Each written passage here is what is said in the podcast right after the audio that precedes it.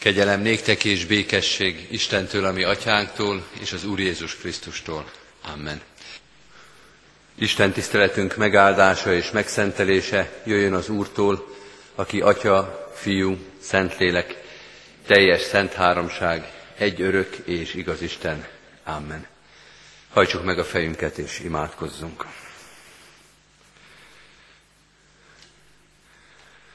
Urunk, igédre és üzenetedre várunk, és hiszük, hogy nem várunk hiába.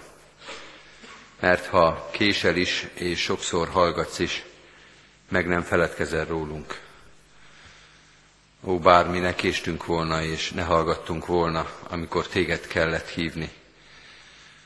Hányszor felejtettünk el, és hányszor voltunk hűtlenek hozzád. Köszönjük, hogy te itt vagy, te jössz, szólsz és tanítasz minket. Bocsáss meg az elrontott alkalmainkat, és nyisd meg a szívünk a megnyíló alkalmak előtt. Bocsáss meg az elrontott lehetőségeket, azokat, amelyeket nem hallottunk, nem láttunk meg, nem használtunk ki. Segíts minden új lehetőségre rácsodálkozni, örülni neki, kihasználni. Krisztusért kérünk, Te, aki kegyelmet és szeretetet hoztál ebbe a világba, mutasd meg ezt a mi életünkben is. Mutasd meg, mennyi ajándékod van az életünkben, hogy ajándékoddal kezdődik minden, minden nap és minden óra, amelyet a Te dicsőségedre élhetünk. Légy itt velünk igéd és szent lelked által, hogy ne csak örüljünk a jelenlétednek, ne csak szeressük a jelenlétedet, de értsük is a Te igédet. Annyi mindent hoztál, és annyi mindent mondasz. A Te lelkednek bölcsességére és világosságára van szükségünk, hogy ezeket értsük, megjegyezzük, hogy annak idején és abban a lehetőségben, amelyet nyit számunkra, tovább tudjuk adni. Sokan vannak körülöttünk, egészen közel is hozzánk, akik talán arra várnak, hogy tőlünk hallják meg a Te ígéret és evangéliumodat. Tőled van az alkalmasság és a készség, tégy minket képessé, készé az apostoli szolgálatra. Így kérünk ezzel a hittel és reménységgel, árasz kiránk most szent szólj hozzánk és vezess minket lépésről lépésre a Te igéd ösvényén. Ámen. Hallgassuk meg testvéreink Máté evangéliumának a 20. részét, az első 16 verset, a szőlőmunkások példázatát, ennek az evangelizációs hétnek az igéjét. Most Deák Péter testvérünktől, aki gyülekezeti gyakorlaton van itt közöttünk, másodéves teológus hallgató, ő olvassa föl Isten igéjét. Hasonlóan mennyek országa a gazdához, aki korán reggel kiment, hogy munkásokat fogadjon szőlőjébe. Miután megegyezett a munkásokkal napi egy dénárban, elküldte őket a szőlőjébe. Amikor kiment kilenc óra tájban, látta, hogy mások is állnak a piacon tétlenül, és ezt mondta nekik, menjetek ti is a szőlőbe, és ami jogos, megadom nektek. Azok pedig elmentek. Ismét kiment tizenkét óra körül, és délután három óra tájban, és ugyanígy tett. Amikor pedig késő délután öt óra tájban is kiment, még mindig találtott áldogálókat, és megkérdezte tőlük, miért álltok itt egész nap tétlenül. Azok pedig így válaszoltak, mert senki sem fogadott meg bennünket. Erre ezt mondta nekik, menjetek ti is a szőlőbe, miután pedig beesteledett, ezt mondta a szőlő gazdája a vincellérjének, hívd elő a munkásokat, és fizest ki a bért az utolsókon kezdve az elsőkig. Ekkor jöttek azok, akik öt óra tájban álltak munkába, és kaptak egy-egy dénárt. Amikor azután az elsők jöttek, azt gondolták, hogy többet kapnak, de ők is csak egy-egy dénárt kaptak. Amikor átvették, zúgolódni kezdtek a gazda ellen, és ezt mondták. Ezek az utolsók egy órát dolgoztak, és egyenlővé tetted őket velünk, akik az egész nap terhét hordoztuk, és szenvedtünk a hőségtől. Ő pedig így felelt egyiküknek, barátom, nem bánok veled igazságtalanul. Nem egy dénárban egyeztél meg velem? Vedd, ami a tied, és menj el. Én pedig az utolsónak is annyit akarok adni, mint neked. Hát nem szabad-e nekem azt tennem a javaimmal, amit akarok? Vagy a te szemed azért gonosz, mert én jó vagyok? Így lesznek az utolsókból elsők, és az elsőkből utolsók. Ismét olvasom a harmadik verstől a hetedik versig terjedő igét. A következőképpen szól. Amikor kiment kilenc óra tájban, látta, hogy mások is állnak a piacon tétlenül, és ezt mondta nekik, menjetek ti is a szőlőbe, és ami jogos, megadom nektek. Azok pedig elmentek. Ismét kiment tizenkét óra körül, és délután három óra tájban, és ugyanígy tett. Amikor pedig késő délután öt óra tájban is kiment, még mindig találtott áldogálókat, és megkérdezte tőlük, miért álltok itt egész nap tétlenül. Azok pedig így válaszoltak, mert senki sem fogadott meg bennünket. Erre ezt mondta nekik, menjetek ti is a szőlőbe. Foglaljuk el a helyünket. Kedves testvérek, a harmadik napja olvassuk ezt a történetet, ezt az egyébként bizonyára sokszor hallott és sokszor olvasott történetet. Kezdenek a részletek kibontakozni előlünk, pedig még csak a harmadik versig jutottunk el. Ha emlékszünk rá, az első nap arról szólt az Isten igéje, és arról szólt az ige magyarázat, hogy Isten maga mutatja meg magát, vagy ahogy meg szoktuk fogalmazni, kijelenti magát nekünk, biztos és hiteles információnk van arról, hogy milyen az Isten országa. A kérdés, hogy halljuk-e, hallgatjuk-e őt, amikor ő maga beszél magáról. Tegnap arról szólt Isten igéje, hogy az Isten rendje, amivel ezt a történetet indítja, nem titok, átlátható, jelen van és megérthető. De a kérdés megint az, hogy az Isten rendje az a mi rendünk-e.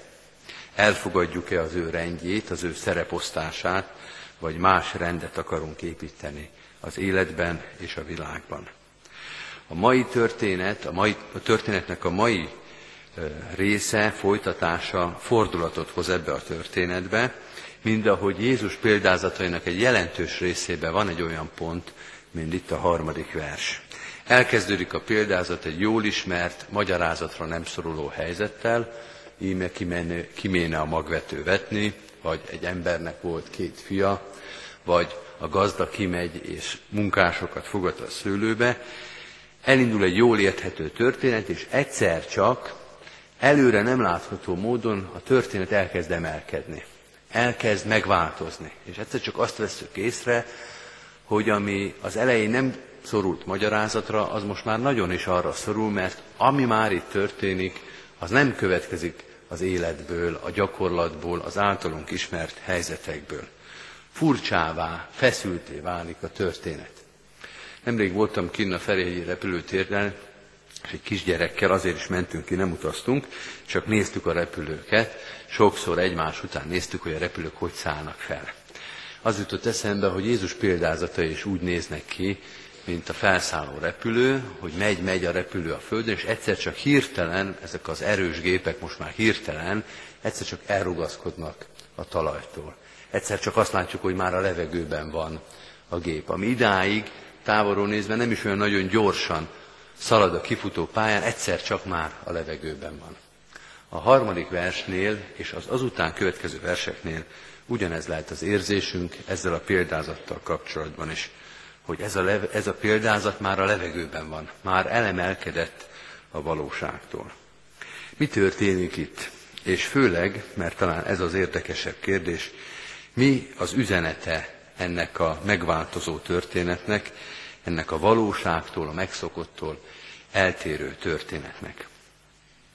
Az első kérdés, amire válaszolnunk kell, tulajdonképpen ez izgat minket leginkább, hogy mit csinál itt a gazda. Ha tömören és egyszerűen akarom megfogalmazni, így teltem, a gazda azokat is meglátja, azokat is megszólítja, akiket más már pillantása sem méltat. A gazda azokat is meglátja, megszólítja, elhívja, akiket más meg sem lát. Látja és hívja a hatórásokat, akik hat órakor a hivatalos időben, a megfogadás pillanatában, ahogy az ilyen emberpiacokon, az ilyen e, idény munkások felvételénél szokott lenni, korán reggel ott vannak, ők azok, akik rendben vannak, ők, akik hivatalosak, akik időben érkeznek, akik rögtön csatlakoznak, Ők, akik gyerekkoruktól fogva, ők azok, akik beleszülettek már ebbe a történetbe, ahol semmi magyarázatra nincsen szükség, hiszen magától értetődő a kapcsolat, a jelenlét és a gazda és a munkás közötti egység. De meglátja ez a gazda a későbbieket is. Meglátja, megszólítja és elhívja a kilenc órásokat, a tizenkét órásokat, a három órásikat, még az öt óraiakat is, ami azt jelenti, hogy egy órával a munkaidő lejárt előtt még ő hív embereket a szőlőjébe. Ők az elmaradók, ők a késlekedők, ők azok, akik ki tudja honnan kerültek ide, akik felnőtt fejjel, már őszülő fejjel kapcsolódnak be a gazda történetébe. Azt látjuk, hogy a gazda egész nap érthetetlen módon, a valóságból, a gyakorlatból levezethetetlen módon jár ki folyamatosan a piacra, és hívja, hívja a munkásokat. Radikálisan és nagyon egyértelműen szétfeszíti ezt a történetet, dolgozik azért, energiát fordít arra, hogy az emberek a szőlőjébe kerüljenek. Akárhogy is nézzük, azt látjuk, hogy ez az ügy a gazdának fontos. Meglepően fontos. Albert Schweitzerre, a Nobel-díjas Albert Schweitzerre csodálkoztak itt sokan rá, aki elismert teológusként és jegyzett és elismert orgonaművészként és orvosként is, egyszer csak Afrikában, egy távoli és az európai kultúra számára nehezen meghatározható országban és kultúrában kezdett el gyógyítani. Miért van ez az ember ott? Miért kerekedett föl? Miért nem elégedett meg, vagy miért nem maradt a teológiai katedránál, az orgonánál, az egyházzenénél, az elismert, kényelmes, polgári európai kultúrában? Miért volt fontos neki, hogy ismeretlen, és Európában olyan nagyon számon se tartott beteg, benszülötteket, afrikai embereket gyógyítson? Ez az ügy a gazdának megmagyarázhatatlanul, nehezen indokolható módon fontos. A szőlő munkások példázata először ebben a harmadik verstől emelkedő magasságban ezt hozza elénk, hogy Istennek fontos ez a történet, azon dolgozik, hogy ott legyünk a közelébe, hogy ott legyünk a szőlőjébe, és meglát mindenkit, azokat is, akikre már nem nézett senki, és akik talán magukról sem hitték, hogy még valaki rájuk fog nézni, és meg fogja őket szólítani. Ha megkérdeztük azt, és nyilván megkérdezzük mindig magunkba, hogy mit csinál itt a gazda, akkor érdemes megkérdezni azt is, hogy mit csinálnak a munkások. Mit csinálnak ebben a példázatban a munkások? Állnak a piacon, és várnak a gazdára.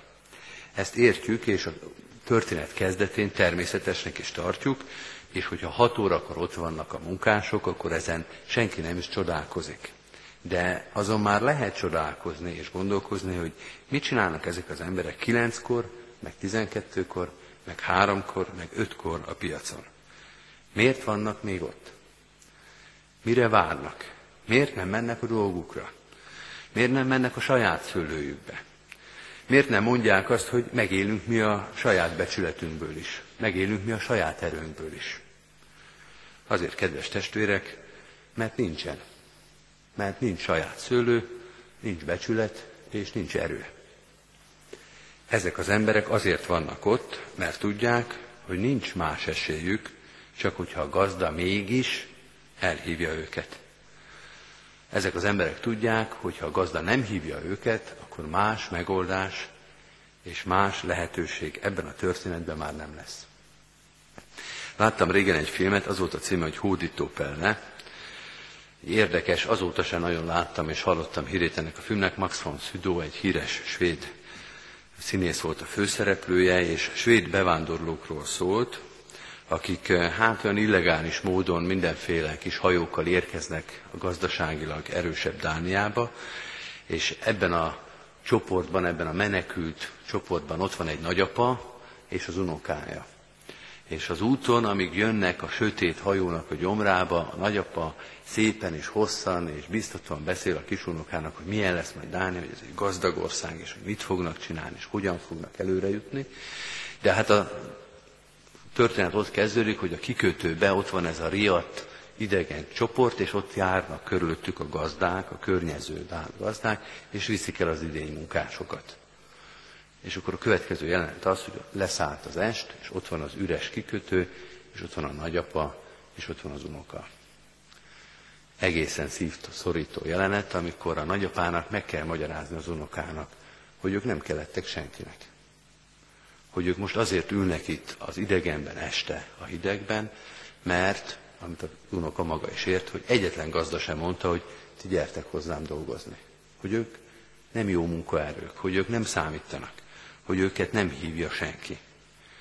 Szívszorító érzés annak a munkásnak a helyzete, akit kilenckor, meg tizenkettőkor, meg háromkor nem szólított meg senki. Ezek a munkások tudják, hogy ha nem vagyunk itt, ebben a nehéz helyzetben, akkor végképp semmi esélyünk. Ha még van esély, akkor az itt van. Ez egy dacos ottmaradás, vagy egy reménykedő ottmaradás, hogy hova is mehetnénk máshova. Körülbelül ugyanaz a mondat, amit Péter mond a megváltónak, amikor megkérdezi Jézus a tanítványokat, hogy ti is el akartok menni, és Péter azt kérdezi, hogy kihez mehetnénk, Uram? Örök életnek beszéde van nálad. Hova mehetnénk, ahol még esélyesebb lenne a történet? Azért vagyunk itt, mert itt van az egyedüli esély számunkra. Mit csinálnak ezek a munkások? Akik ott maradnak, akik még öt órakor is a piacon vannak, azok reménykednek a gazdában. Reménykednek a csodában. Tudják, hogy ha itt valaki tehet még valamit, az csak ez a gazda lehet.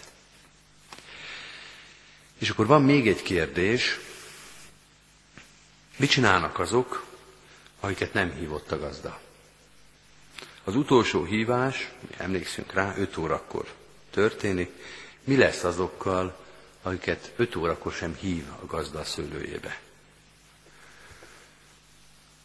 Olvassuk el újra a textust, a hatodik verstől olvasom.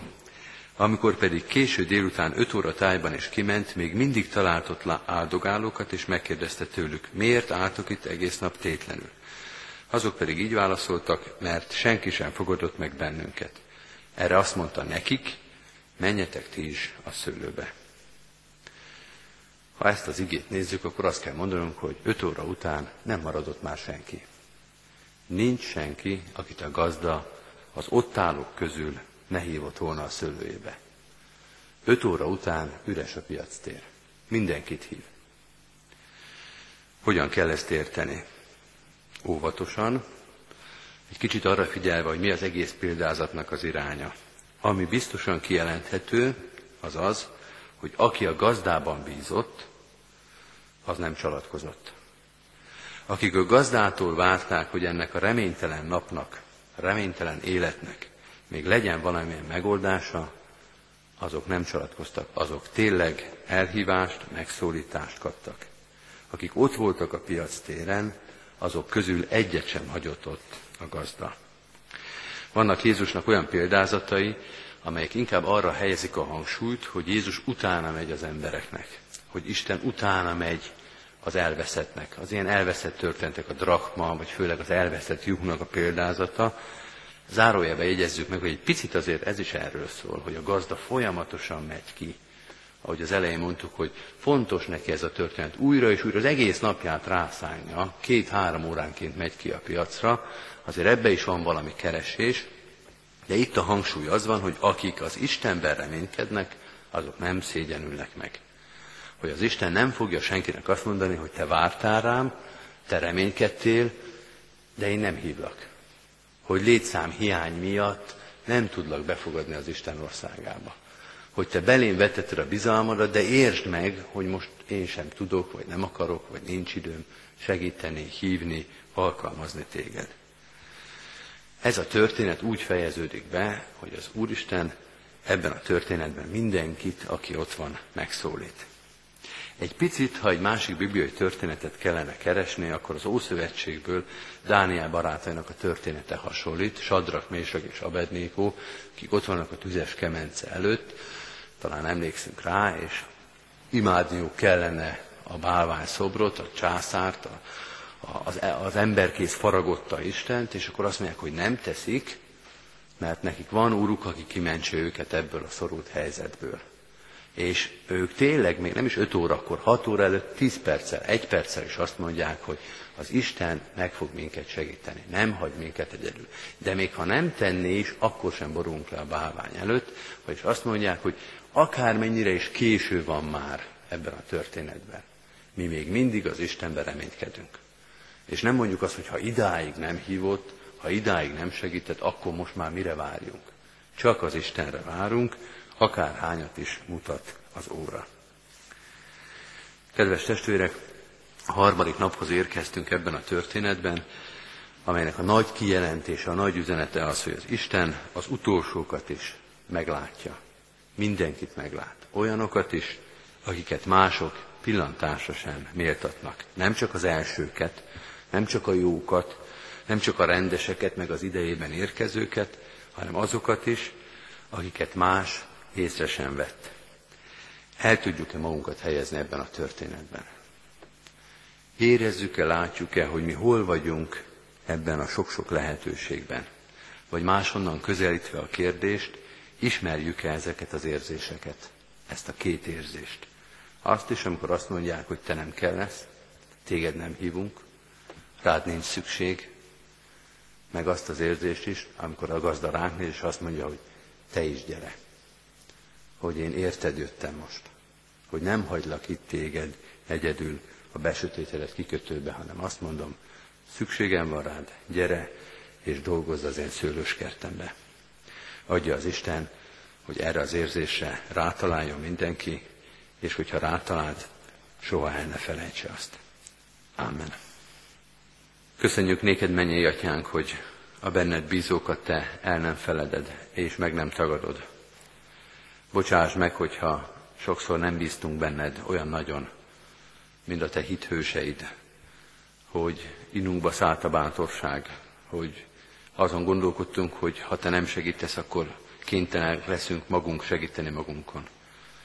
Bocsáss meg, hogyha sokszor nem voltunk türelmesek, vagy nem bíztunk eléggé benned.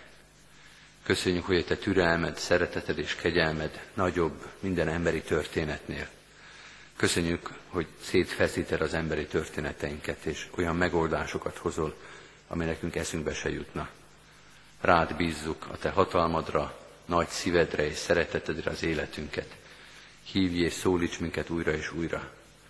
Rád bízzuk azokat, akik még nem hallották meg a te hívó szavadat, akiknek már előre jár az idő, és még mindig nincsenek a te szőlődbe. Lásd meg őket a te kegyelmedből és szeretetedből. Menj ki ismét a piasztérre, és szólítsd őket.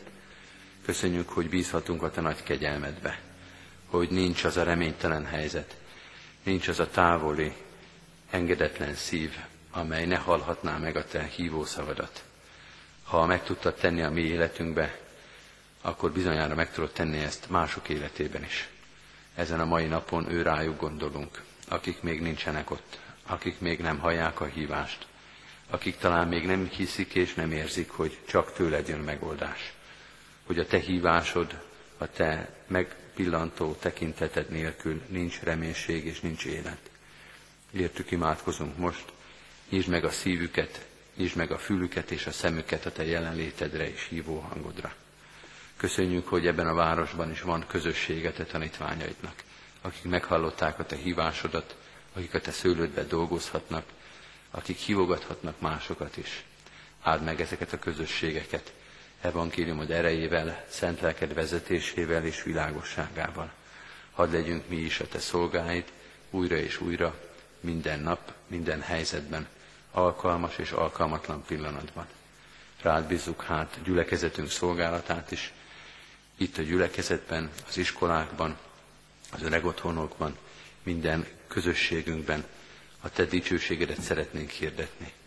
Imádkozunk testvéreinkért, különösen a terhet hordozókért, a gyászolókért, a koporsó mellett megálló testvérekért, imádkozunk a betegeinkért, a megfáradtakért, imádkozunk azokért, akik a Te vigasztalásodra, szeretetedre, kegyelmedre szorulnak, hadd találják meg a te szeretetedben, kegyelmedben a vigasztalást, az erőt, a felépülést. Könyörgünk azokért, akik erősek és mások terhét hordozzák. Tőled kapjuk az erőt, tőled kapják a lehetőséget, segíts nekünk ebben napról napra. Áld meg az egész gyülekezetet, a várost, az országot és a nemzetet, légy a közösségeinkkel, a te kegyelmed, gondviselő szeretetet szerint. Amen. Most vigyük egyen-egyenként is Isten elé imádságainkat. Amen. Ti azért így imádkozzatok, mi atyánk, aki a mennyekben vagy, szenteltessék meg a te neved. Jöjjön el a te országod, legyen meg a te akaratod, amint a mennyben, úgy a földön is. Minden napi kenyerünket add meg nékünk ma, és bocsáss meg védkeinket, miképpen mi is megbocsátunk az ellenünk védkezőknek. És ne vigy minket kísértésbe, de szabadíts meg a gonosztól, mert tiéd az ország, a hatalom és a dicsőség mindörökké. Amen. Mindezek után az Úr Jézus Krisztusnak kegyelme, Istennek, ami atyánknak szeretete, és a Szentlélek Istennek közössége legyen és maradjon minnyájunkkal. Amen.